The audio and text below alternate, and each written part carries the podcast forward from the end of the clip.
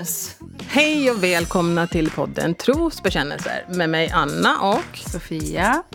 Välkommen in i studion Sofia. Tack så mycket. Det var, det var länge sedan. Det var ett tag sedan. Ja, vi har haft en Ja. liten paus.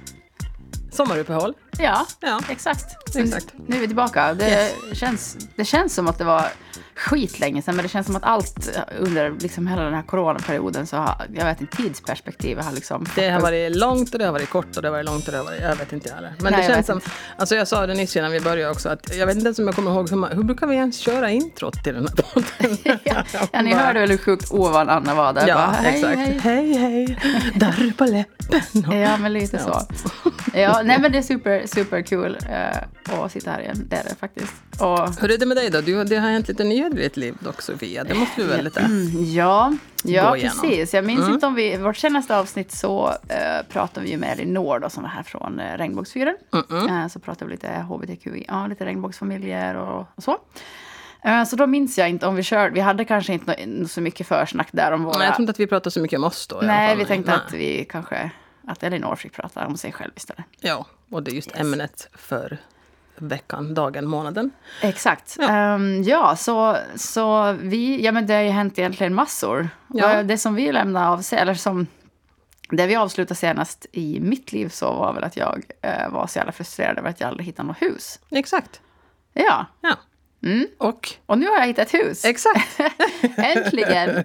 Wow, så nice! Äntligen! Mm. Eller jag, vi, jag och min partner säger oftast ja, jag har köpt ett hus, därför ska jag köpa ett hus. Nej, jag skojar. Nej, men It's mine. nej, jag skojar. Ja, nej, nej. Eh, mm, lite så på tal om dagens ämne sen. Så jag, jag, jag, nej. Ehm, Ja. ja, nej men nu har vi hittat hus. Eh, Ja. det är så fint det där huset. Det är så mysigt. Det är så mysigt. Ja. var faktiskt och hälsade på häromdagen. Ja, Mm. Jo, så det var värt de här tre åren. Det tog ganska exakt tre år faktiskt. eh, Från att Ja, men det är det. Alltså jag tycker ju ändå att där man ska liksom sätta ner sina rötter, där du ska bo, där du ska känna det liksom som att här vill jag liksom hålla rumpan i soffan. Hellre än att gå ut och någon annanstans. Mm. Du ska liksom vara nöjd. Du ska liksom känna att ja, men det är det här, här vill jag vara. Ja, men, nej, men verkligen. Och, Ja. och som sagt, tids, jag är överlag ganska så här, har lite dåligt tålamod och tycker att det är så här, allting känns så jävla värdelöst när det inte händer. Liksom. Men, eh, ja, men tre år tog det då. Och vi, precis innan vi egentligen alltså, fick bekräftat att det här huset kunde bli vårt så var vi också tittat på ett annat som liksom var... Alltså jag, eller vi har ju pratat om att du vill ha ett äldre, charmigt hus och så vidare. Mm. Men sen började jag liksom... Jag hade, min lista var ganska lång när vi började på olika kriterier. Ja, på men det kan den ju också bli. Det kan det bli, men den förkortades ju förstås liksom med tiden. Men, men det var en sak som jag sa från början, att jag, sa, jag kommer aldrig i hela mitt liv att köpa ett så här 90-talshus. Liksom. Det var så långt längst ner på listan. Ja, Men innan vi då fick det här huset så var vi faktiskt och kollade på ett 90-talshus som jag var så här, ja men det här är ändå rätt nice, vi kör liksom. ja. Så, eh, men, eh, men sen var det ändå, sen var det min partner som sa, för det här var typ i ett, det var nog på landet fast i, ändå i en bykärna eller vad ska vi säga. Eh, så han bara, men jag saknar lite vyer. Jag bara, men fuck vyer. Kan du vara nöjd dig nu? För jag bara, men det är ju fint det här nu. Det var liksom ändå renoverat, det var jättefräscht och superfint, så, så kul för dem som köpte det sen. Men, men det var de där jäkla vyerna då, så vi köpte aldrig det. Och nu Som ser ni ut över en åker. Och nu har vi jävla vyer, alltså. Det enda vi har. Eh, vi bor alltså på landet i Sund och har ett jättefint hus. Det är ett jättegammalt hus, det är från Ja. 1879. Eh, också renoverat nog. Vi ska fixa lite andra, eller fixa lite mera på det. Det behövs eh, lite nya badrum och lite avlopp och sådär. Men, men det är... eh, Bara sådär. Lite ja, bara. men lite så. Nej, men, men det är så fint. Så vi är verkligen, allt föll på, på plats. Vi kom dit och kände att bara det här ska vi ha. Ja, det ska bli intressant att se, se hur ni så att säga behåller den här eh, alltså, trä, alltså kärleken till det där, alltså de här gamla just snirkliga. För det finns lite sådana detaljer på det. Det är ju jättemysigt just därför. Tycker men jag, det- just det Man måste här- behålla liksom ändå själen av huset. Det kan ju inte gärna så säga bara köra raka Ja, när vi köper lite nej. plåtfasad.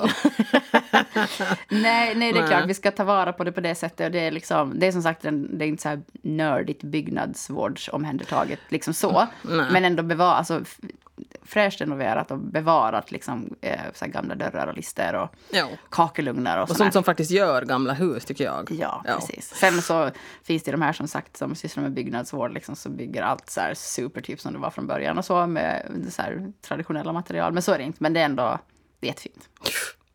Very nice. Så, men Så vi har alltså det. inte flyttat in utan vi måste byta avlopp först. Men vi är där så mycket som möjligt och hänger och är. Så det känns bra. Värmer upp det Ja, exakt. inför inflytt. Precis. Så det är toppen. Så det är liksom husstatusen nu, att vi är i mål. Det är ju en, en så att säga stor grej i livet det ja. Exakt. ja. Visst. Och Frankie, hunden lever. Mm. Ja. Han höll på att snutta på sin säng här. När Ja. jag, frågade bara, vad fan är det han håller på med? Ja, precis. Det ja. visade sig att han snuttar, ja. Och det hade jag tydligen inte överhuvudtaget noterat tidigare då när jag har hälsat på dig. Att Ja, han ligger och nej, men- snuttar på sin säng. Jo, han, han säng, han älskar sin säng. Så han, av, av någon anledning så, så älskar han sin säng så sjukt mycket så han... Eller det gör väl alla, men han, han, liksom, han leker i den, han river i den och han, han lägger sig och suger på sängkanten. Man bara, jag, tänkte, jag, frågar, jag frågar faktiskt Sofia, bara, saknar han en flickvän kanske? Jag bara, det tror jag faktiskt.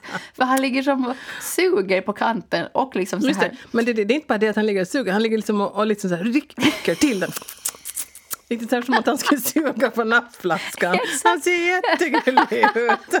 Ja, och så trampar han liksom med, med tassarna på sidan om. Ja, men det där. måste ju vara någonting suga på bröstet grej. Alltså det där måste Ja, men vara jag någon tror att form han, alltså, Jag väl att så man han, tittar på. han är 11 så han är ju en gammal hund. Men, men jag tror att det är, ja, men vissa hundar har det här snuttbeteendet. Och, ja, jag är ingen veterinär, men, men jag tror att det kan bero på att han så här diar. Han saknar Ja. sin mamma. Stackars Frankie. ja, nej, men det är faktiskt, han kan ligga länge i timtal. Så alla hans sängar blir så här, alltså supersnuskiga. De är jätte, man måste tvätta dem igen för de är så, alltså, så marinerade med hans Så eh, så här bulldogsdregel. Är så vidrigt. Och sen när man får hem till andra som har hund så lägger han sig i deras sängar. Jag testar att se om jag får en gensvar här. och sen bara, nej. Bara, nej, okej. inte ens här. Nej, nej. Nej, exakt. Stackars Stackarn. Ja, no, han är gullig när han gör det i alla fall, tänker jag. Jag som, tycker jag då, som inte behöver tvätta sängar överhuvudtaget. Men i alla fall. Men. Ja. Mm. jo, nej men så. Hur, men, men Anna, vad, vad hände på din front? Var var vi senast? Liksom? Åh herregud, vi är väl på samma ställe som vi var senast, jag tror jag. Det är det, ja. Mm. Mm. Ja, inga, inga hade sommaren och desto mer trevligt med sig på Tinder. Så det får nog vara ett dött, begravet, Men ihjälskjutet, lite har du fått hängt. ligga i alla fall. I alla fall någon gång måste jag få ligga. Vänta nu, jag måste tänka efter. ja, no, nej, no, nej. Jo, Eller inga, Jana. ja. Ah, ja, no, men gode gud. Det är inte sånt här som inte ens är värt att komma ihåg ens. Sorry. ja, ja, men det är inte så här liksom ett år sedan. Nej, nej, gud nej, nej, nej, på, på riktigt säg. Jag är väl inte död. Men jag menar, nej. Men nej, nej, det har ju nog inte hänt så mycket. Jag har dock bestämt mig för att jag ska börja styrkelyfta lite mer. Ja, det tycker jag låter fantastiskt. Jag var och kollade på, på Grease häromdagen, som alla andra. Ja, Eller inte alla, men vad hade de sålt? 5 000 biljetter? åh, Ja, fan vad kul. superbra. Ja. Eh, den var jättebra. Alltså, och jättekul att, de, att, de, att det var så många som, som har sett den. Jag tänker att folk dels är utsvultna på föreställningar eller kultur. Ja, fast det är liksom. ju, är ju också väldigt bra låtar med. Alltså man blir ju lite alltså, Grease är pepp, glad. Ju, jo, Ja. och liksom, jag tänker att det var faktiskt någon som inte hade sett filmen. Vem var nu det? Nej, jag minns inte. Någon bekant som bara, jag har inte sett filmen. Som nu Och alla, och alla bara, fush, Exakt. är du precis, va? Precis. Ja, men jag har ju sett Grease, eh, liksom filmen och, och kanske i en annat format, det vet jag inte. Men den här föreställningen var ju, alltså de var ju otroligt duktiga alla, alla ehm, s- som var med liksom. Och hela uppsättningen var fantastisk och dansen och sången och allt var bra. Men jag tänkte också på det när jag satt där och liksom, nu var det, det måste ha varit ganska länge sedan jag såg Grease-filmen. Jag vet inte om jag ens eh, liksom hade, vad ska vi säga, gjorde någon vidare analys på den då. Men hela storyn är ju så, den är ju så eh, töntig. alltså, Eh, jo, den är, jo. Mm. alltså den liksom, den där- är ju så här, och nu, okej, nu, nu utspelar den ju sig på liksom... Var det 60-talet? Fem, alltså det är 59, så det är ju 59, liksom när så här, ja. ja. men rock'n'roll-kulturen, ungdomens frigörelse och sådär. Så den ska ju liksom Ja. belysa det då. Eh, men just den här, den är så klassisk med den här den här väna Sandy som ska Ja. få den här, den här fina flickan som ska få den här stygga pojken. Ja, och så får han här, sen att skärpa sig och bli lite ja, men precis, preppy han också. Ja men precis och, och hela den här och hon här Rizzo som liksom är som de säger att det är så här slampig och hon blir så här ja men eh, jag vet inte så jag bara men gud. Det känns alltså vet man om att den här liksom ska, ska beskriva en historisk tid så tänker jag att det är på ett sätt. Ja. Men någonstans, för det var också en insändare i tidningen om, om, om det var en, en, en förälder eller en, ja, en vuxen person som skrev att den här personen hade varit där med en tolvåring som hade bara sagt att så här, ja men den här var ju annorlunda liksom. ja, men alltså, för den är så jäkla omodern Jo, jo, och väldigt jo, sexistisk. Eh, och jag tycker att det ligger någonting i det, för jag tänkte på exakt samma sak. Men sen tänkte jag, ah, men, men någonstans så tycker jag att man kanske skulle kunna också göra en liten, måste modernisera den eller på något Mm. sätt så här, eh, problematisera den. På, eh, på något sätt som Ja. fortfarande... Men tänk att lyfta den där så att säga storyn in i nutiden då. Ja, alltså det, med det sagt Va? så har vi ju, eh, och det kan ju bli ett helt avsnitt i sig, att så här, prata om att den här sexismen fortfarande finns och det här machobeteendet och de här Ja. tjejerna, alltså liksom hur flickan får pojken och så vidare. Ja. Så jag menar, vi, vi, är ju, vi är ju inte liksom, ehm, vi har ju fortfarande den problematiken. Ja. Men eh, ja. ja, men jag tyckte den ändå var lite, var lite intressant. Så jag tänker att, eh, ja, hade du sett den? Ja, filmen har jag ju sett flera gånger. Alltså det var en av mina favoritfilmer när jag var Mm. Ja, hade väl den på VHS eller något sånt här jättemodernt då, på den tiden. Ja. Ja, nej, men, men det var i alla fall det var lite, lite, lite en intressant iakttagelse. Som uppenbarligen fler gjorde och, eh, och så vidare. Ja, exakt. Jo, det kan jag tänka mig att det är klart. Men det var ju väldigt spännande att hon där tjejen som var 12 liksom på något sätt tog, alltså såg på det på det sättet att hon liksom faktiskt analyserade och såg Ja, någonting annat. Alltså ja, men, det, ja, Exakt, för ja. Mm, så framtiden är inte helt förlorad. Men i alla fall. yes. Sen delade ju någonting annat också idag, hörde du. Ja, alltså jag vart så jävla chockad. Uff, Ja, jag vart... nå- usch, jag vart, åt mitt, mitt annat så vart jag också lite äcklad. Men i alla fall. Ja, men alltså man är, alltså det var, jag läste en artikel på Yle om att Yle hade gjort eh, så här intervjustudie, eller intervjuat eh, ett antal kvinnor som jobbar inom räddningstjänsten i Finland då. Eh, som liksom vittnar om så här sjukt mycket eh, sexuella trakasserier och en så här otroligt så här kvinnofientlig jargong Ja. och en, alltså som var så här också, alltså både gentemot kollegor men också hur liksom Hur mot offer också? Alltså mot, Eller patienter. Mot, ja, patienter. Då. Ja, men sådana som, Ja. ja. alltså vålds, sådana som ja, slutligen åker ambulans då, men i alla fall. Ja, nej men alltså, ja precis. Och, och hur liksom de här manliga kollegorna skämtar extremt mycket om sina kvinnliga kollegor och hur de skulle... Alltså jag blev helt paff nästan av den här artikeln, för det var verkligen så här, jag menar, ja, det, men det var liksom så mycket sjuka Ja. detaljer. Så här, någon hade typ sagt så här att efter att de hade kört någon, eh, i en ambulans och kört en, en kvinnlig patient så började så här, eh, vårdarna som var med sen så här, skämta om hennes bröst typ. Ja, exakt. Ungefär hur hinner man ens se på en patients bröst? Nej men jag vet Eller inte. Det var, noterar nej, de men det, var så, det Va? var så osmaklig hela artikeln. Jag var så här, vad ser det fan ut? Så här är det helt sjukt. Har vi inte fan kommit längre alltså? Nej, exakt. Nej, det var helt Nej, galet. helt och en, en kvinnlig medarbetare som hade blivit gravid och så började hennes manliga kollegor skoja om så här, "Åh, vem av oss är farsan då? Alltså, så, alltså, det, var, Ja, det var, alltså, och det här var två ja. exempel av, av så många i den här artikeln. Ja. Så, och, Man förstår inte alltså att det där tillåts pågå. nej, och så säger folk så ja men metoo är så jävla överdrivet. Bara, nej, Nej. obviously not. Obviously not, nej. Nej, så det var- Återkom när vi slipper bli utsatta för sånt här skit. Ja, men det är liksom, och ändå, nu säger inte jag så här att bara för att man jobbar inom räddningstjänsten så är man en, en liksom, vad ska vi säga, mer ödmjuk person på något sätt. Men jag hade ändå tänkt att när man jobbar för det första inom så här, eh, Man räddar liv. Det är ju ändå lite sådär Ja, ska- heroiskt liksom, yrke tillika ändå. Ja, men att man ska vara en medmänniska och ha liksom en bra människosyn ja, och en respektfull människosyn. Så jag, var, jag kände mig så naiv efteråt och bara... Ugh. Man blev lite, lite sådär, det förstörde lite grann av, av hela bilden man har av just brandmän, Exakt. räddningspersonal. Ja. Så blir man sådär, jaha, ska man måste se till att man har rena underkläder på sig nu då man ska Ja, men jag vet, det var, det var så orimligt. Så, men också sen hade ju en av ministrarna, nu minns jag vem av Finlands ministrar, gått ut väldigt snabbt och liksom sagt att så här, det här är helt sjukt, så här får det inte vara liksom.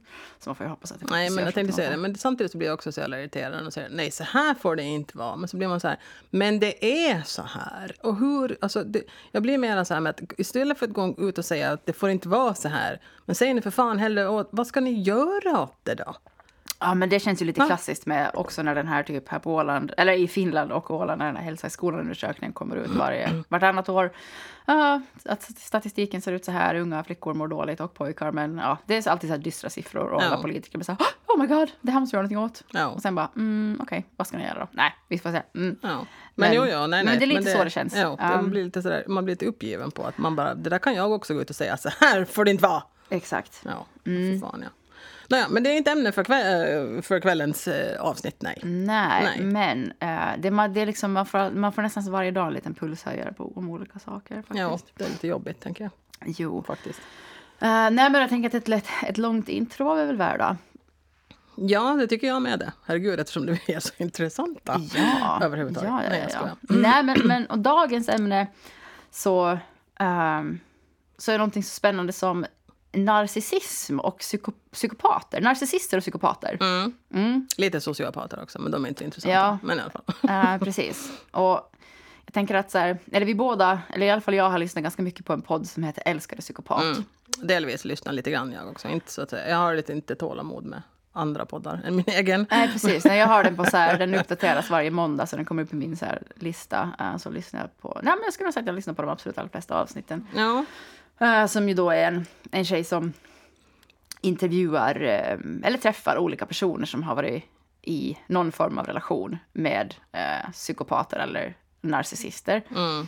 Och det kan vara alltså både män och kvinnor som har varit med, med det motsatta könet eller med samma kön eller det kan ha varit en arbets, alltså en chef eller Ja. en, en, någon person som... någon form av relation. Ja, precis. Exakt. Eh, och sen har hon också med sig på slutet då en, en psykolog som, eh, som de diskuterar. Ja, förklara lite mera, vad heter det nu, termer etc. Eh, Ja, Lite och den grann. är superspännande för att det är så, här, så mycket eh, liksom, öden som är så här... Det är så vanligt också. Ja, men det, det måste ju vara otroligt mer vanligt än vad jag trodde i alla fall. Va? Att det liksom existerar. Ja, men nu är det i och för sig de här alla... Det är som man går in och läser på ett specifikt forum om allting så är det så här, gud vad vanligt det här är. Sen får man komma det är så här, nej men, nej men det som är, som, är, som är spännande med den här podden är att man liksom, man ser samma mekanismer hos de här personerna som lever med psykopater eller narcissister. Ja, Eh, så. Ehm, och nu ska vi alltså försöka förklara lite vad narcissism och psykopati är. Men vi ska också meddela att vi är inga psykologer. Utan vi har liksom gjort vår research som vanligt. som vanligt. Eh, men tänkte i alla fall berätta lite om så här, eh, dragen som de här personlighetstyperna. utmärkande dragen för att, ja, vad som också så att säga särskiljer sig, eller vad som är gemensamt för dem lite grann. Ja, men precis. De här Och- personlighetstyperna. Exakt, och jag tänker att många säkert eh, tänker att... Så eller man känner säkert kanske någon som har varit i en väldigt knepig Jag relation. tror nog att jag, ja, precis som vi diskuterade här innan vi började spela in, så jag tänker att det finns ju också personer som man har haft, eller kanske har i sin, sitt umgänge, alltså på jobb eller på annat sätt, som finns, alltså de behöver ju inte vara fullfjädrade, till exempel psykopater eller narcissister. Men det finns ju sådana som har mer eller mindre drag av vissa, Ja, men det kan man ju ha. Man kan ju Ja. ha liksom personlighetsdrag som är... som är eh, lite mer åt det ena och det andra ja. hållet. Förutom jag då som är sjukt naturlig och normal. Men jag skojar bara. Men, Men, men, eh, men vad, vad sa vi här? Att 3, 3 av männen är psykopater. Alltså så här, riktiga psykopater. Exakt, ja, riktiga psykopater. Det var 3% av männen, sen var det mindre än 1% av kvinnorna. Mm. Men över 50% av de som är i fängelse Ja. är psykopater. Precis. Fullfjädrade. Ja. Och så tänker jag, "Phew, vilken tur att det, att det är där de är i alla fall. ja, jag tänker om man, man, man är, men det, alltså, som vi kommer att beskriva så kan jag förstå att man är mer benägen att begå brott när man saknar till exempel empati eller Exakt. konsekvens. Alltså att man inte Ja. helt enkelt bryr sig om saker eller om Ja. andra människor. Men Mm. är det inte också så när det kommer till psykopater att det, de har ju också en viss så att säga, fysiologisk förklaring? Att just det här med att de flesta har ju oftast alltså, underutvecklade eller skadade pannlobar. Alltså hjärnan som sitter längst in fram i pannloben. Det är där vi har vårt konsekvenstänk och empati också. Precis. Så att jag menar om man går och slår huvudet längst fram i pannloben så får man vara lite aktsam att man inte mitt i allt tappar konsekvenstänke. Och, Ja, nej men, gud, nej men exakt. Ja. Men vad är då en, en narcissist? Ja, en narcissist, ja. Det är en person som har orealistiska höga tankar om sig själv och anser sig vara mycket bättre än alla andra och har oftast väldigt grandiosa tankar om sig själv. Mm. Ja, En grandios person, en per, grandios självbild. ja. Ja, Alltså man tror jävligt mycket om sig själv och man tror ju ofta, oftast också att man har ju aldrig fel och man, du, ja men ni vet. Vi har ju alla stött på sådana personligheter i alla fall. eh, ja men precis. Ja. Ehm, en person som sätter sina egna eh, känslor framför andras behov. Och Ja. På någonstans tror att alla tycker om en och förväntar sig att alla ska älska en. Exakt. Mm. Så är det ju. Mm. Finns ju också, det är också en diagnos det där också. Det var också på senare delen av 1900-talet som det där kom, vad heter det, att det faktiskt kan diagnostiseras. Så den heter ju vad heter det, narcissistisk personlighetsstörning. Mm. Förkortas NP. Precis. Ja, så den finns, alltså den finns ju, det finns ju vidimerad liksom, läkarvetenskapliga undersökningar som det här är alltså en diagnostiserbar störning. Så är det ju, absolut. Och jag tänker att vi, man svänger sig nog ofta med så här, åh, det där är nog en narcissist, eller gud vilken psykopat. Men vi ska komma ihåg att det är väldigt, väldigt, väldigt få personer som faktiskt får den här typen av diagnos. Och de här personerna har ju oftast väldigt problematiska relationer Mm, eller problematiska... liv överlag, kan jag Precis, tycka. så det Ja. vågar man nog säga att de här personerna som sagt är få och inte... Ja, de, det går kanske inte alltid så bra. Men jag tänker Men jag tänkte säga det, det måste ju ändå bli ganska så ensamma liv. Alltså, slutligen så måste det ju vara det. För att alltså, en narcissist, eftersom de ju absolut inte bryr sig om andra människor, för de har ju inte den här möjligheten liksom, att känna på något sätt empati och sympati med andra människor. Utan det är bara jag, jag, jag, jag, jag. Så Mm. det måste ju i slutändan så måste det ju betyda att de blir väldigt ensamma. Både när det kommer till vänner och till partners och precis. sånt här. Ja, men jag tänker att man kan, alltså säkert det, ehm, frågan är sen hur mycket man bryr sig om man är ensam. Men jag tänker också utifrån just de här, den här podden Älskade psykopat så är det här personer som ju också oftast är väldigt karismat. Alltså narcissister är väldigt karismatiska, Ja, väldigt utåtriktade, jättecharmiga och extremt manipulativa. Ja. Så jag tänker att de här personerna förmodligen har en hel del relationer, men som är eh, De måste ha väldigt korta relationer, tänker jag. exakt Alltså som liksom, är liksom de, de, de håller ju inte längden då heller. För det, man förstår ju där också att en narcissist är också en sån här som för att, för att liksom fånga dig i, i deras nät, eller vad ska man kalla det, så är det ju så att de um, ömsom liksom alltså, duschar dig med liksom kärlek och du är liksom världsbäst i deras ögon först. För att sen mitt i allt ta bort det och liksom få det att bli så här, va? Vänta nu, va? Vad händer nu? Varför får jag inga kärlek? Va? Va? Och så blir man så här, alltså det är som en, eh, alltså duschande liksom av ömsom varmt och kallt och varmt och kallt och så blir Ja, man så här, när kommer det, när kommer varmvattnet igen ungefär? Och, och, och varför kommer det kallt vatten? Och varför, vet du sådär? Exakt, att de här personerna är extremt bra på att visa uppskattning och lyfta upp dig till skyarna. Och du är verkligen den bästa personen den här personen någonsin har träffat. Ja. Och är så liksom älskvärd på alla sätt och vis. Till att sen också börja varva med att trycka ner dig. Mm. Och säga hur dålig du är på olika saker. Eller hur, hur du ser ut. Eller Ja. liksom hur du beter dig. Och varva verkligen mellan de här två. Ja. Eh, så att man blir jätteförvirrad. Och sen liksom när man då blir nedtryckt och så är de ju så extremt bra på att få dig själv att känna dig dålig. Ja. Så att det är liksom ditt fel och att du tvivlar extremt mycket på dig själv. Och precis också det här med att är det så att tänker jag fel nu eller hur ska jag tänka riktigt när det kommer? Alltså man börjar ju tvivla på allting som man en gång trodde är rätt. Precis. Man har ingen susning till slut. Nej men då, det är det som blir så himla farligt också för att alltså, och det är så svårt att ta sig ur liksom, en relation med en, en eh, med någon- Narcissist. Precis, för att ja, men från att, eh, att liksom bli så stormkär för att du får så mycket uppskattning till att tappa liksom helt kompassen för vad som är rätt eller fel. Eller Ja. hur du känner, alltså hur du, själv, vad du, Och va- hur du ser på dig Jag själv. och varje gång det här kallvattnet kommer i duschen också så väntar du bara på att du ska få det här varmvattnet igen. För det är då som det känns så jävla otroligt fint när man får den här duschen av otroligt mycket kärlek, Exakt. uppskattning och allting. Det Exakt. måste ju vara fruktansvärt. Alltså, alltså självförtroende, självkänsla, Ja, nej men och då, det, här blir, det här är liksom relationer som är extremt problematiska och jättedestruktiva och som, där man liksom behöver ofta professionell hjälp för att kunna ta sig ur. Eller ha i alla fall liksom en plan på hur, hur ehm, Ja, och stegvis alltså lösa det där med att man faktiskt behöver ha någon form av stödsystem när man en gång tar sig ur eftersom man antagligen så kommer man väl att vara så pass nedtryckt och så pass tillintetgjord att man kommer att vända på klacken och vilja gå tillbaka det första man gör. exakt. Ja, för att man har inget självförtroende överhuvudtaget. Eller, Nej, precis. Också för att de här personerna är liksom, om du har bestämt dig för att gå eh, och känner dig liksom rätt så här, ja men nu, nu ska jag lämna det här. Och så är de här personerna också extremt bra på att manipulera tillbaks dig. Och Exakt liksom det, ja. vända och vrida på, på, på allt. Och, och så här gaslightning som betyder att den här personen också kan liksom nästan få dig att tro att eh, du har eh, gjort olika saker. Det var liksom på ett av de avsnitt jag lyssnade på så var det en,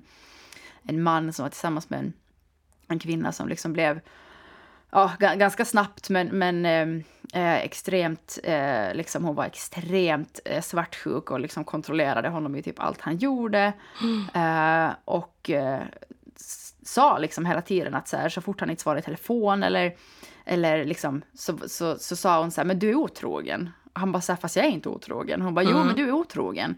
Och till slut liksom så upprepade hon det här så himla mycket så fort hon inte fick tag på honom eller att han gjorde så som hon ville så sa hon att han var otrogen. Så han började Ja. på riktigt till slut tro att han typ var otrogen. Han bara, men har jag varit otrogen? Men holy crap! Ja. Ja. då är man ju duktig på att manipulera och, och så vända in och ut på hjärnan på andra människor. På Jo, jo. riktigt, va? Men det, det, och det är verkligen så här eh, superobehagligt. Eh, är det. Eh, Ja. Så. För att alltså. Ehm, nu blir jag så här, men ska jag prata om mig själv eller inte? För att det här, jag har också varit med om det här, men det jag vet inte. Ah, vad svårt.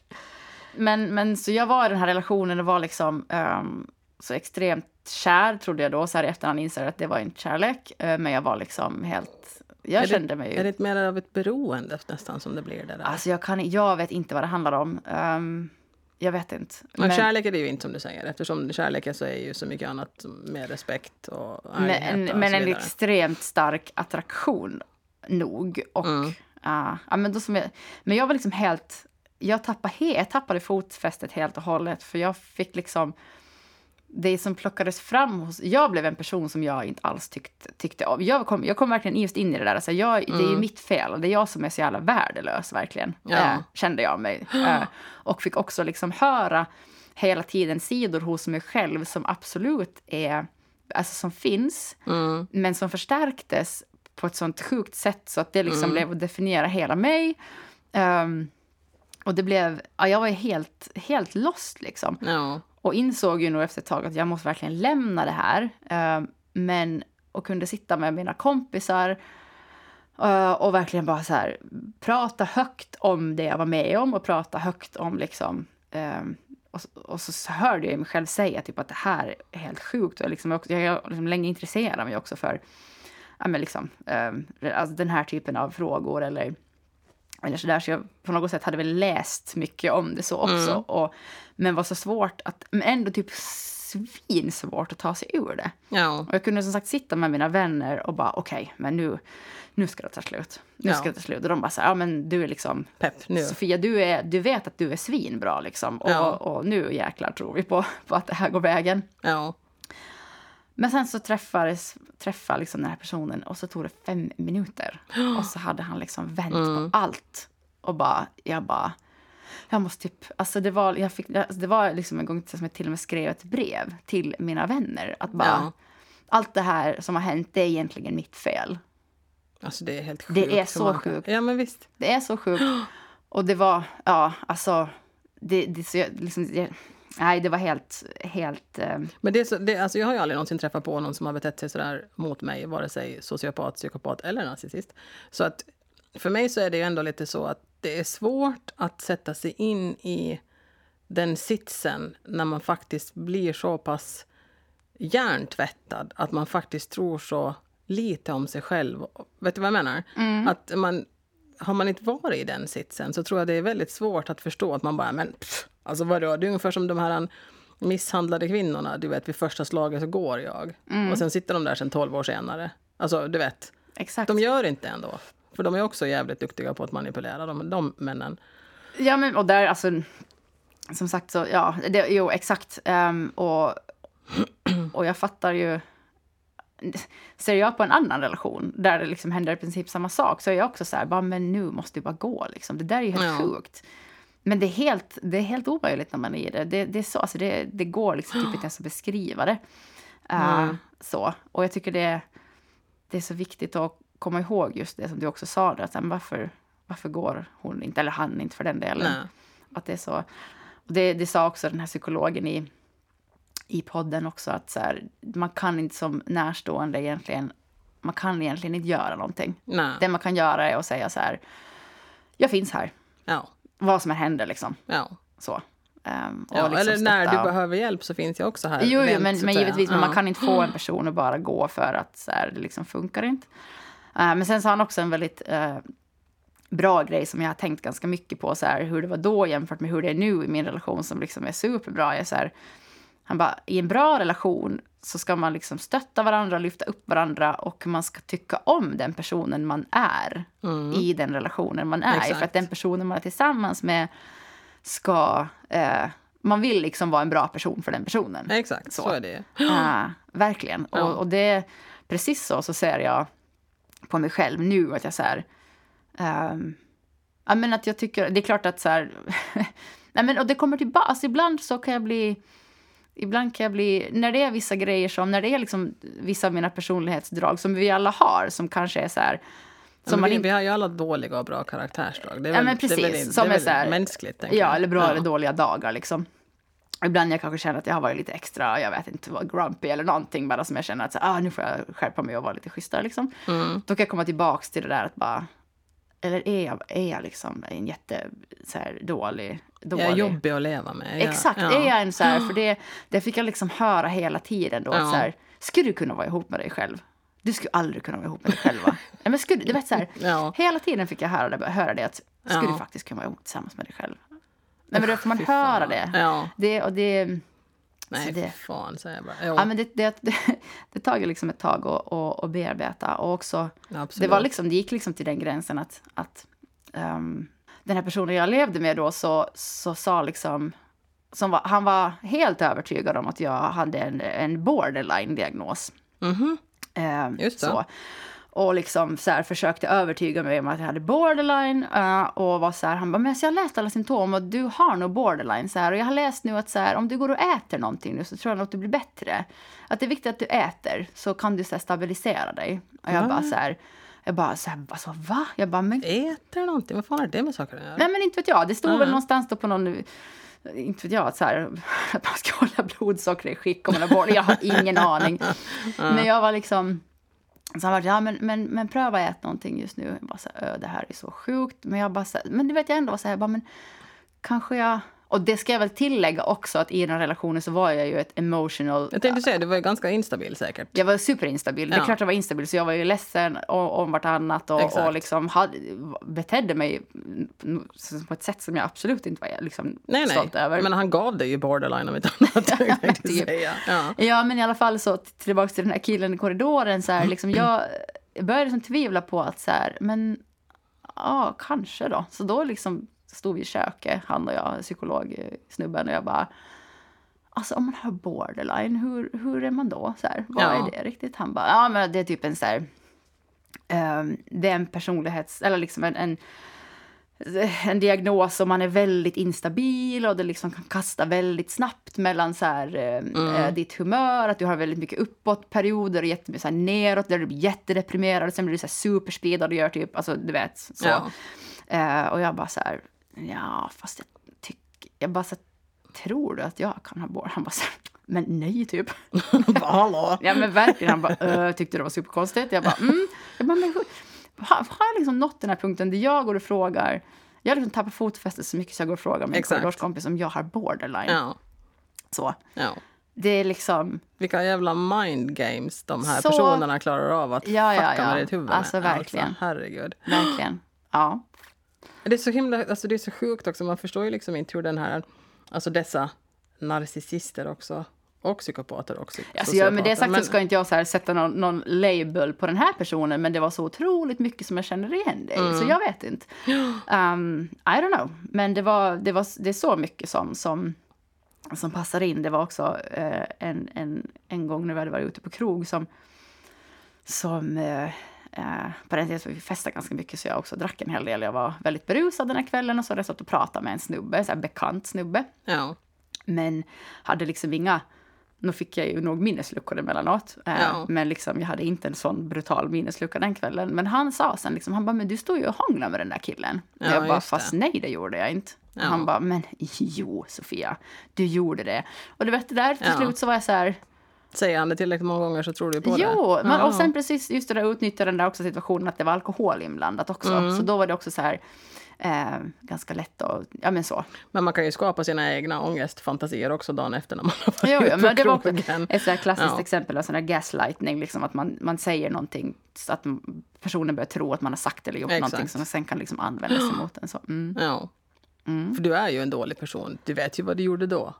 Exakt. Ja, Nej, det Exakt. är helt sjukt det där. Alltså, hur Ja, det, kommer det, undan. ja, verkligen. No, tänkte säga det ju. Man har väl, vi har väl alla säkert stött på, som jag sa tidigare, personer som har mer eller mindre drag av det där. Du har ju åtminstone lyckats träffa på någon som hade väldigt mycket drag av det där, om vi säger så. Men man har ju bekanta som har blivit utsatta för lite samma som du. Ja. Ja, och det är ju fan alltså. Det, så det, och samtidigt så, det, många kanske tänker också att, att, hur ska vi säga, det är personer som blir utsatta för, eller av narcissister till exempel, eller psykopater, så är svaga personer, eller som är, vet du, de säger ju det också just i den här eh, älskade psykopatpodden, att ofta så, så märker ju dessa manipulativa narcissister väldigt väl när du är som mest sårbar.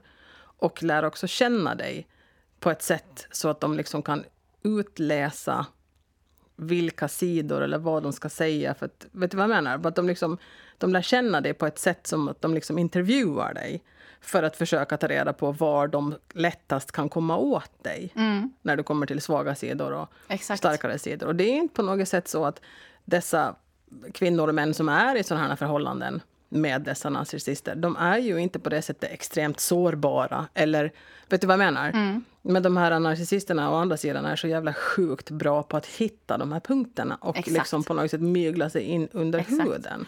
Exakt, och det sa ju också han här psykologen i, i podden som, som att vem som helst vem som helst kan hamna i den här typen av relation. Också, han bara, ja, liksom också utbildade psykiatriker kan hamna i en relation Ja. med en narcissist. För Ja. att ja, man är, helt, man är ju fortfarande, även fast hur mycket kunskap man än har så är man ju fortfarande bara en människa.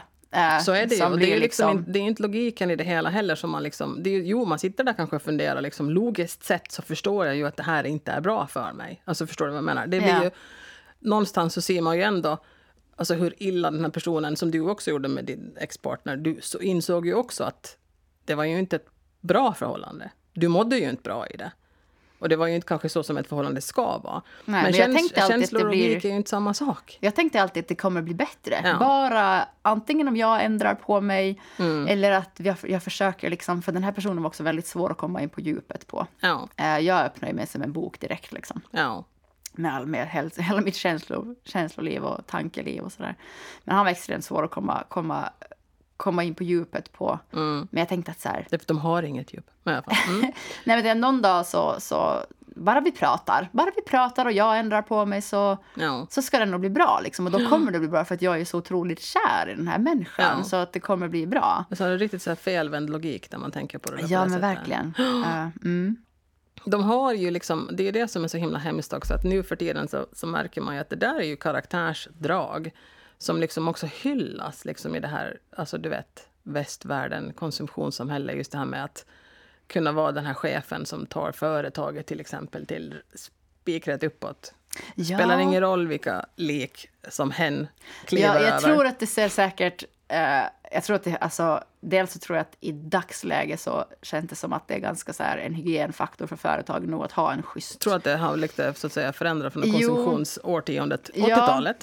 80-talet, hoppas jag. 90-talet också Ju- kanske. Yuppie-talet. Nej, men, eh, jo, men det, alltså att, att det är många liksom också yngre, eller folk idag som ställer krav på att det ska vara en schysst arbetsplats. Men däremot inom Ja. den där världen som, jag vet inte, har du kollat på den här norska serien Exit? Nej, men jag vet att den handlar just om den här börshajar och sånt här. Som Precis. Är, ja, Eh, ja. Så här svinsnusk. Och den baserar sig alltså på verkliga händelser med intervjuer med såna här personer. ja. Som ehm, den här då utspelar sig i Norge, men det ser väl likadant ut i Sverige och whatever. Ehm, Västvärlden, punkt. Ja. Precis. Um, så snorrika finanspersoner, jag vet inte exakt vad, jag, vad de jobbar med, men liksom sitter på så här och tjänar massa pengar inom Mm. ja, fin- finansvärlden. Jag kan inte finansvärlden. Men alltså snorrika människor som tjänar jäkligt mycket pengar på andra människors bekostnad. Ja. Så där tror jag det finns en sfär där det fortfarande premieras att vara ett arsel alltså. Jo, precis det. Ja. Ja, och i den här serien då, så de, de eh, tjänar mycket pengar, de knarkar jävligt mycket, de Mm. har en sjukt vidrig kvinnosyn. Exakt. Alltså de köper så mycket sex, de behandlar kvinnor så fruktansvärt Ja. dåligt. Eh, den, är, alltså den är så obehaglig den här serien och den som sagt baserar sig på verkliga händelser. Så det är ju på det sättet en inblick i Hur den, det, där, hur det ser ut på i vissa... den där världen. Ja. Jag lyssnade också på en intervju på mitt, ett, ett av mina favoritprogram, Malou efter tio. Ja, Malou. um, så där um, intervjuar, hon, intervjuar hon en av skådespelarna, då det är en svensk skådis med den här, ja, hur liksom det kändes för honom att spela den här rollen och så, för han är Ja. typ värst. Uh, men så sa han att, att den, den, det har till och med sagts att den att de har liksom, deras karaktärer är nästan milda i jämförelse med hur det kan vara på riktigt. Så nedtonade bara. Ja, men lite så. Ja. Jag blir helt så oh my god. Och det här är ju alltså människor med jävligt mycket makt. Så. Ja, ja. Ja, som och där måste man ju nog konstatera att de måste ju vara alltså psykopater eller Ja, men det, alltså, absolut. eller- Och där tänker jag att det premieras att vara en psykopat. Liksom. Ja. Och då, då spelar det ingen roll att hur många eh, prostituerade kvinnor du köper eller hur mycket droger du tar eller liksom hur mycket Mm. vapen du leker med. Så är det liksom, Ja, du är fortfarande jäkligt upp, högt upp i näringskedjan. ja. Så. ja det är Ja. nästan högst upp då, tänker jag. Åtminstone Ja. i den världen. Ja, men lite Ja. så. Mm. Ja, fy fara av sig. Ja. Ja men exakt, så det är ju det att så här, är- har de här psykopatpersonerna, har de liksom mycket reell makt så känns det ju farligt liksom. Jo, Ehm, så. man ska ju akta, akta sig för dem. Likväl. Mm. Men de är ju också, precis som narcissisterna, så är ju också även psykopaterna väldigt duktiga på att kunna manipulera. Och även till viss del också vara charmiga. Ja. Så då, Precis. då är de ju också ännu mer livsfarliga, tänker jag. Mm. Jag tänker på Hannibal Lecter, jag sa det här tidigare innan vi började spela in. Ja, men, När man läser de här alltså, karaktärsdragen hos psykopater så blir jag så här, mhm. Ja, var ja. lättare så här. mhm. Ja, ja, ja, ja. Nej, men eller hur? Jag tänker så här, alltså pratar vi liksom the worst of psykopater så är det väl typ de här helt sjuka seriemördarna och sånt som, alltså, Exakt, ja. eh, ja, ja. då tänker jag att man måste vara psykopat. Eller ja, ja, ja. Usch. Jag tänkte säga det, det är en sak som vi, vad heter det, med narcissism, eller narcissister ska jag säga, som vi, vad heter det nu, inte har, Ha, för det, givetvis undrar man ju också varför det som är narcissister blir narcissister, eller hur? Och det har väl egentligen, det finns en klassisk psykodynamisk förklaringsmodell.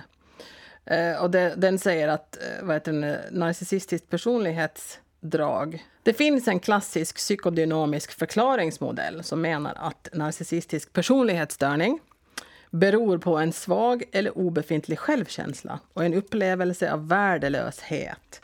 Och för att skydda sig mot de här smärtsamma känslorna utvecklar narcissisterna istället en grandios självbild. De uppträder självsäkert på ytan, men därunder finns en narcissistisk sårbarhet. En extremt lättkränkthet och känslighet för att få sitt värde ifrågasatt. Ah. Så då tänker man ju då på alla de här seriemördarna som jag brukar se på tv om. Just de här, som nästan alla har blivit alltså, på riktigt illa behandlade som barn. Ja. Ja. Jag tänker också på Det är här, ingen, det är väl ingen så att säga, lik, alltså, lika med mellan det, men det måste ju finnas någon form av koppling med sådana här har vi- traumatiska upplevelser i barndomen.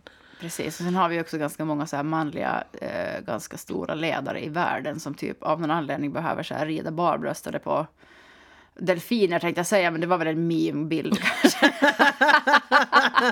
Det var väl mer sibiriska lejon du tänker på? Eller? Ja, nej, men Ja. jag tänker att så här också, alltså, nu får vi ju prata skit om Putin och gänget. Ja, han lär väl inte komma hit då? Ja.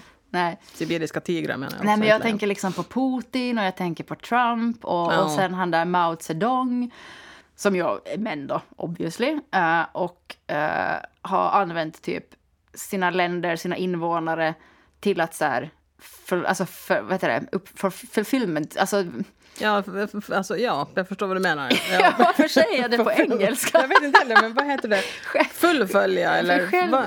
Självförverkligande. Självförver- exakt. Så heter det. Exakt, Ja. för att, så här, för att liksom fylla någon form av så här... Eh, eh, men för att de har liksom haft något barndomstrauma eller liksom har noll självkänsla av någon anledning. Och sen så, liksom så, så manipulerar de sig till, till så här makt och sen så... Eh, Men de, de vill ju ge igen. Alltså är det inte liksom sånt som har hänt när i barndomen? Ja, men på grund av ett liksom barn- ger igen. exakt. Ja, På de av liksom ett- vill visa sig stora, starka, mäktiga, kunna göra vad som helst för att de inte fick suga på mammas ja, men bröst de är typ sura på sin lillebrorsa och så ska de så här visa Ja. sig större och starkare och bara Exakt. så här, jag ska göra det stora språnget, typ större än ditt jävla språng så här. Och så typ ser de till att så här, hälften av deras invånare dör. Ja. Alltså, så. Och så tycker de, ja, nu fick jag min poäng här.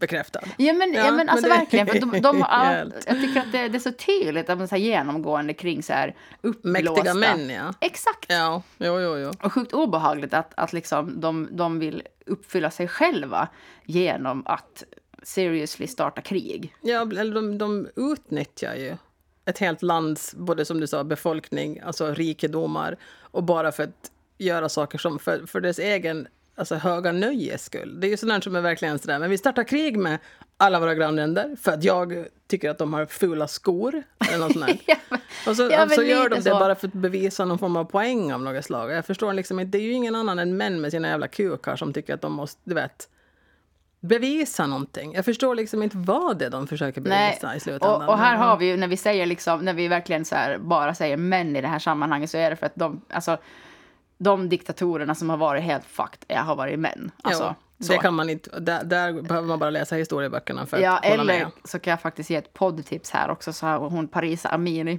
har gjort en eh, podd eh, som Mm. heter eh, Diktatorer, tror jag. Diktaturer. ja. Som, där hon Ja. helt enkelt berättar storyn kring alla Vad de har gjort och vad de... Exakt. Ja, och ja, ja, så ja. lyssnar jag på det. Jag lyssnar på den om Hitler, jag lyssnar på den om Mao Zedong och jag lyssnar på, på Idi Amin. Och, och, och det var liksom också där, de har gjort fruktansvärda saker, de här karlarna. Ja, Eh, och så var det liksom som att det var återkommande. Så här, Hitler han fick aldrig bli konstnär, så han var typ supersur för det. ja, men det, var, det var typ lite så. Han bara, jag tar "Nej, livet av alla judar för att jag Exakt, fick inte ingen måla. tycker om min konst. Så här, och jag är så sårad typ. Och Mao Zedong hade någon så här, fejd med någon brorsa eller släkting eller vad det var. Bara, jag ska typ, min revolution ska vara coolare än din. Så, här, så nu tar jag livet av hälften av befolkningen och, Ja, och så vidare. och så vidare. Så jag var så här, alltså de här små männen. exakt. Ja. Med bara en pungkula. Eller hur var det nu med Hitler? Hade han bara det? Eller? Om Mao Zedong så hade säkert en liten penis. Det är säkert det, men jag säger ju det. Samma sak är det med Trump. Man har väl hört att han har inte heller så mycket att komma med när det kommer till kalsongerna. Men i alla fall. Mm. Det, är- de Ehm. måste väl hävda sig på något annat sätt, tänker jag. Ja, ja, jag Eller just Mm. om de har blivit smiskade på rumpan när de var små. Ja, har- eller inte liksom Ja. fick den där, den där kärleken eller vad det kan vara. Ja. Mm. Ja. ja, sidospår, men i alla fall. Jo, Ja, men fast- nej, ja. men fast inte riktigt nej. Men de, alltså, de måste väl, alltså de flesta de måste väl vara, är psykopater, snedstreck, narcissister av något slag i alla fall. Ja, men jag tänker med det. Eh, På det här spektrumet mellan 0 Jag till tänker 100. att när man pratar om, om man, det kanske vi kanske till och med vågar slå fast. Vi säger att i alla fall Ja. Mao Zedong, han är i alla fall död. Och Hitler är död. De var också psykopater. Ja, bevisligen så var de ju det med tanke på vilka hemska alltså, saker de gjorde. Tänker Ja, jag. Så ja, att, ja, ja. Mm. Man måste vara psykopat för att klara av att göra någonting sånt utan att själv börja må så jävla illa av sig själv. Ja, precis. Men just Ehm, det där med tanke på att de saknar empati och sympati med, med andra människor. Det måste ju vara så. ja. Ja, usch, ja, fy fan, säger jag bara. Nåja. Men som sagt var, en narcissist så kommer du i alla fall inte kunna bota. Som sagt var. Om de lider av narcissistisk Nej. personlighetsstörning. Och eh, sällan så, så kommer de här personerna att liksom söka hjälp. Så. Man har väl inte den insikten kanske att man faktiskt... Nej, vad var, det, vad var det mera vi läste om? Att det finns ju, då, det finns ju nog en del av narcissisterna som, som till slut blir lida av depression för att de blir så pass ensamma i sin... eh, Alltså ändå. Eftersom de inte klarar av att ha genuina, ärliga relationer med andra medmänniskor. Vare sig partners eller vänner eller någonting. Mm. Men sen var det också det jag läste att det fanns ju... De hade ju också undersökt dessa narcissister och vad heter det nu? Eh, att man skulle ju tro att en narcissist som lider av då narcissistisk personlighetsstörning inte är medvetna om att de faktiskt är sjuka. Men det visar sig i en undersökning alltså att det var jättemånga av dem som svarar ja på frågan om de inser att de inte kanske är fullt friska. Mm. Så att någon form av självinsikt till hur man beter sig finns ju nog. Mm. Även om önskan att inte så att säga bli botad kanske Men man kanske tycker där. att man är så grandios så det spelar ingen roll att man är narcissist. Nej, nej, men inte vet jag. Ja, nej, nej, men det kan man väl alltid så att säga spekulera Ja. i varför. Men Mm. så att säga, så de, de, så om de söker hjälp, om jag förstår det rätt, så är det ju nog för att de kanske är mer liksom, deprimerade för att de är ändå så pass ensamma. Ja. Utan det var inte liksom för att de sökte inte hjälp för att de var narcissister, utan de sökte hjälp för att de var deprimerade för att de inte liksom kunde ha genuina relationer med sina medmänniskor. Man kanske kommer på det till slut. Ja. Ja, men till något... ehm, det var också utifrån den där podden så, så var det dels en... så, så pratade psykologen lite kring så barn. Ja. Eh, och så, alltså det låter lite så brutalt, för han sa väldigt rakt på sak, liksom att, att det är en, ett barn som växer upp och sen inser att man har en förälder som är psykopat. Så där. Då är det Ja. bara typ, ja, lämnar, alltså lä, bryt relationen. Om det är Ja. så att den liksom verkligen är problematisk. Ja, och det, att det finns liksom ja. inte så... Stackars. Ja, men det var en dotter som bara, min pappa, jag har insett att min pappa är psykopat och vad ska jag göra när jag älskar en person som inte är kapabel att älska Ja, mig? Så hemskt. Och då Gud, så sa han liksom att så här, ja, man, behö, man, man behöver inte ha en relation till sin förälder. Nej. Eller till sitt barn om det visar sig att ens, ens barn är psykopat och liksom Ja. växer upp och att man inser att det, det är ganska hemskt. Barn har ju mördat och det finns ju de där som, du vet, alltså går in i skolor i USA och skjuter ihjäl 27 elever. Ja, Jag menar, de kan ju inte heller vara riktigt friska i huvudet. det vet jag inte om jag har orsak. Men ja, nej, men eller hur. Mm. Så att jag menar, men det, det måste ju vara, det var en sån, en sån otroligt tragisk situation att ändå få höra av, av till exempel just han där psykologen att du vet, bryt med din pappa. Jag menar, hur många klarar av att göra det då, tänker jag? Ja, För nej man- men är precis, ju- för då blir det, en, då är det en ännu starkare, starkare relation som man inte kan... Alltså, jo, man kan göra sig av med den, men det måste vara sjukt mycket jobbigare än att det har varit en partner du har kanske levt med. Så, Jo, för du kan ja. leva utan en, ett, ett ex som ändå var en douchebag. Ja. Men att du vet att leva med, med ändå en förälder som är Mm. det. Det måste ju vara så otroligt mycket. Det, där, det där är ju liksom på något sätt, för alltid blir det ju ett, liksom ett sår på något sätt. Ja, Alla, ja, ja. alla jular och födelsedagar och barnbarn och men liksom visst. allting som man tänker att jag borde ha Mm. liksom båda mina föräldrar här för det här. Precis, sen beskrev han också om man liksom har barn med en psykopat. Mm. ehm, att så här, strategier kring hur... För att liksom inte själv dras in i, just för att undvika den där, att det blir liksom, att det Ja. blir en relation igen eller att det blir infekterat eller att barnen liksom inte ska Ja, så var det så här, ja men typ ha så lite kontakt som möjligt. eh, ha liksom mailkontakt Ja. gällande avlämning och, och om man nu ska liksom dela vårdnaden och sådär. Så det var verkligen så här, håll Ja. dig till ämnet. Du vet, Ja. inga några desto mera Nej. utsvävningar med, Nej. med sådana personer. Men då tänker jag också med det här med, med till exempel barnet. Mm. Som då finns där i i det här liksom, triangeldramat, eller liksom dramat mellan mamman och pappan då. Oberoende vem av dem som är psykopat Mm. eller narcissist, så tänker jag att herregud, jag skulle ju vara livrädd för mitt barns skull. Gunnar refererar hela tiden till psykolog, men det är för att han är psykolog och inte jag. Men han, han sa liksom att det är typ den värsta situationen man kan vara i. Och det är att ha barn med en psykopat. Det kan jag tänka mig, Um, faktiskt alltså. Ja. Tycker mitt ex är ganska okej nu, ja. faktiskt. ja. Eller han är nog faktiskt helt okej. Jo. Suverän pappa. Så där behöver man ju inte oroa sig. Det skulle ju vara hemskt också. Att måste lämna bort barnet till den veckan då, eller hur man nu har kommit överens Ja. om tiden spenderad med barnet. Att det liksom, att ändå vara, gå omkring, alltså för det skulle ju bli så, man skulle gå på nålar. Alltså man skulle Ja. vara konstant stressad över vad eventuellt händer. Säkert, ja. Eller såklart. Mm. Ja, fy fan sig. Ja, men om, om man då är tillsammans med en narcissist ehm, och bestämmer sig för att lämna någon så Mm. har vi lite tips här. Exakt. Det finns saker man kan göra för att precis. göra det lättare. Och de här tipsen bryta. har vi faktiskt också hämtat från eh, en psykologs sida. Exakt. Jo. Ehm, så tips nummer ett är försök att inte ha en konversation när det är dags att lämna. Gör det så snabbt som möjligt och låt bara veta de detaljer de behöver, eh, men inget mer. Nej, exakt. typ. Du, du ska ju inte... Där, där sa vi ju som, som vi sa tidigare, narcissister är jätteduktiga på att dra in dig i en konversation som du egentligen inte ska ha, Precis. så att säga.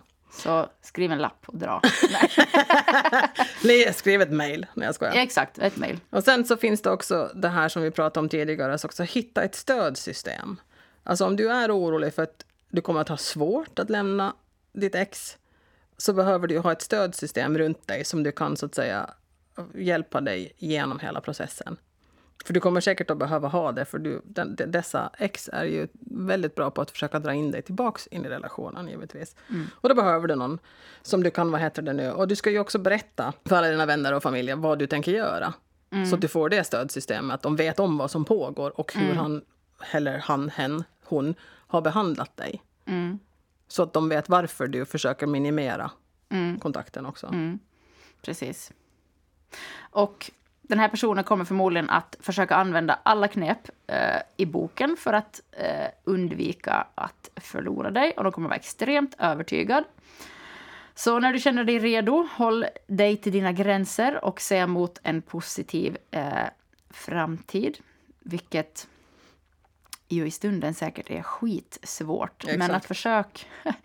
precis. Och, Försök inse att det finns någonting bättre helt enkelt. Ja.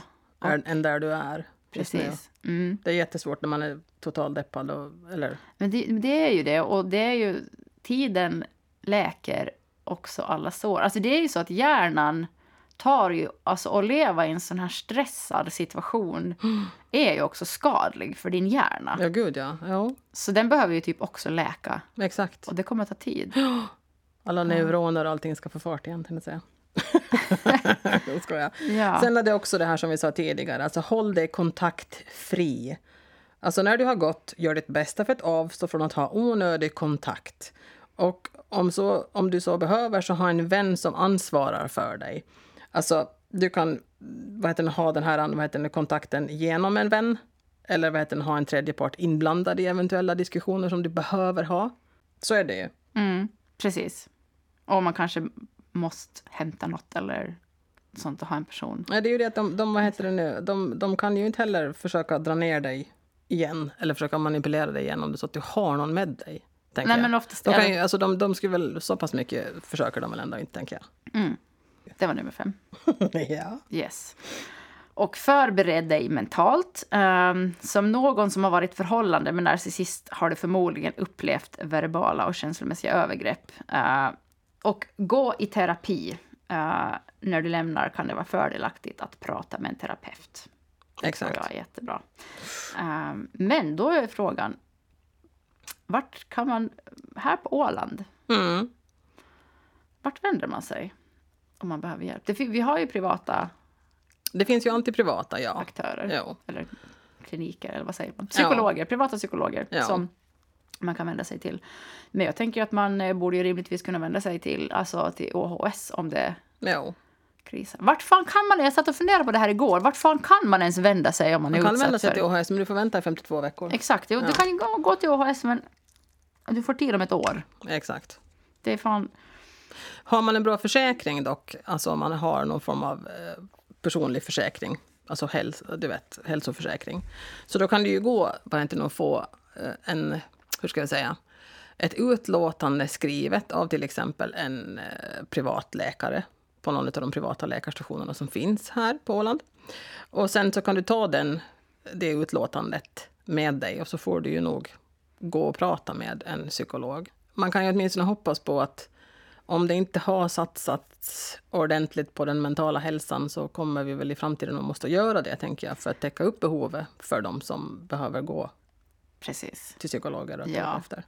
Och jag tänker också, som sagt, så, så när vi har liksom djupdykt här i narcissister idag eh, så, så hoppas vi att det inte är så jättemånga här som lever i sådana relationer. Men det finns ju massa olika typer av relationer där folk inte mår bra. Så man borde alltid få... Man borde få- alltid få möjligheten att må bättre i alla fall. Eh, exakt, Ja. exakt. Så. Mm. Jo, nej, nej. Och som sagt var, även om man inte lever med en narcissist eller psykopat eller sociopat. Precis. delen, Det borde ju statistiskt sett inte finnas supermånga här på Jag tänkte Åland. säga det, det borde ju inte göra det. Ah, nej. Så med, nej, hopp, men- med, med hopp om att de flesta vi har som lyssnare mår bra. Ja, nej men eller hur. Men, men exakt, men det är ju för att man har lyssnat så mycket på den älskade psykopatpodden som man inser att så här, det finns ju verkligen um, de där. Och sen också så tänker jag liksom i, i mycket så här feministiska sammanhang som jag följer på sociala medier och liksom så vidare så kommer det ofta upp så här, ja så här känner du igen en narcissist eller så här, Mm. de här, det här kan du behöva tänka på, eller de här tecknen kan du leta efter om du är i en relation med någon, Exakt. någon som gör dig illa och så där. Då är Ja. det just mycket av de här dragen att man ja, men man, någon trycker ner dig som person och så vidare. och så vidare. Och ja, men just kom ihåg det där att du ska, du ska tycka om den personen du är. Du ska aldrig behöva känna Nej. att du är en dålig person i relation med någon annan. Nej, Oavsett om det är med någon, någon bara allmänt strulig människa eller om det faktiskt är en narcissist eller psykopat. Liksom. Exakt. Mm. Om ni vad heter det, vill höra av er eh, angående vad ni vill att vi ska prata om eller om ni har frågor eller någonting annat, ni vill bara tycka till så Mm. är det ju på trosbekännelser snabel a. Mm. Nu tar vi och avrundar sig. Till nästa gång, Yes. Så ta hand om varandra. Och gör ingenting som du inte själv vill. Puss och kram. Puss och kram.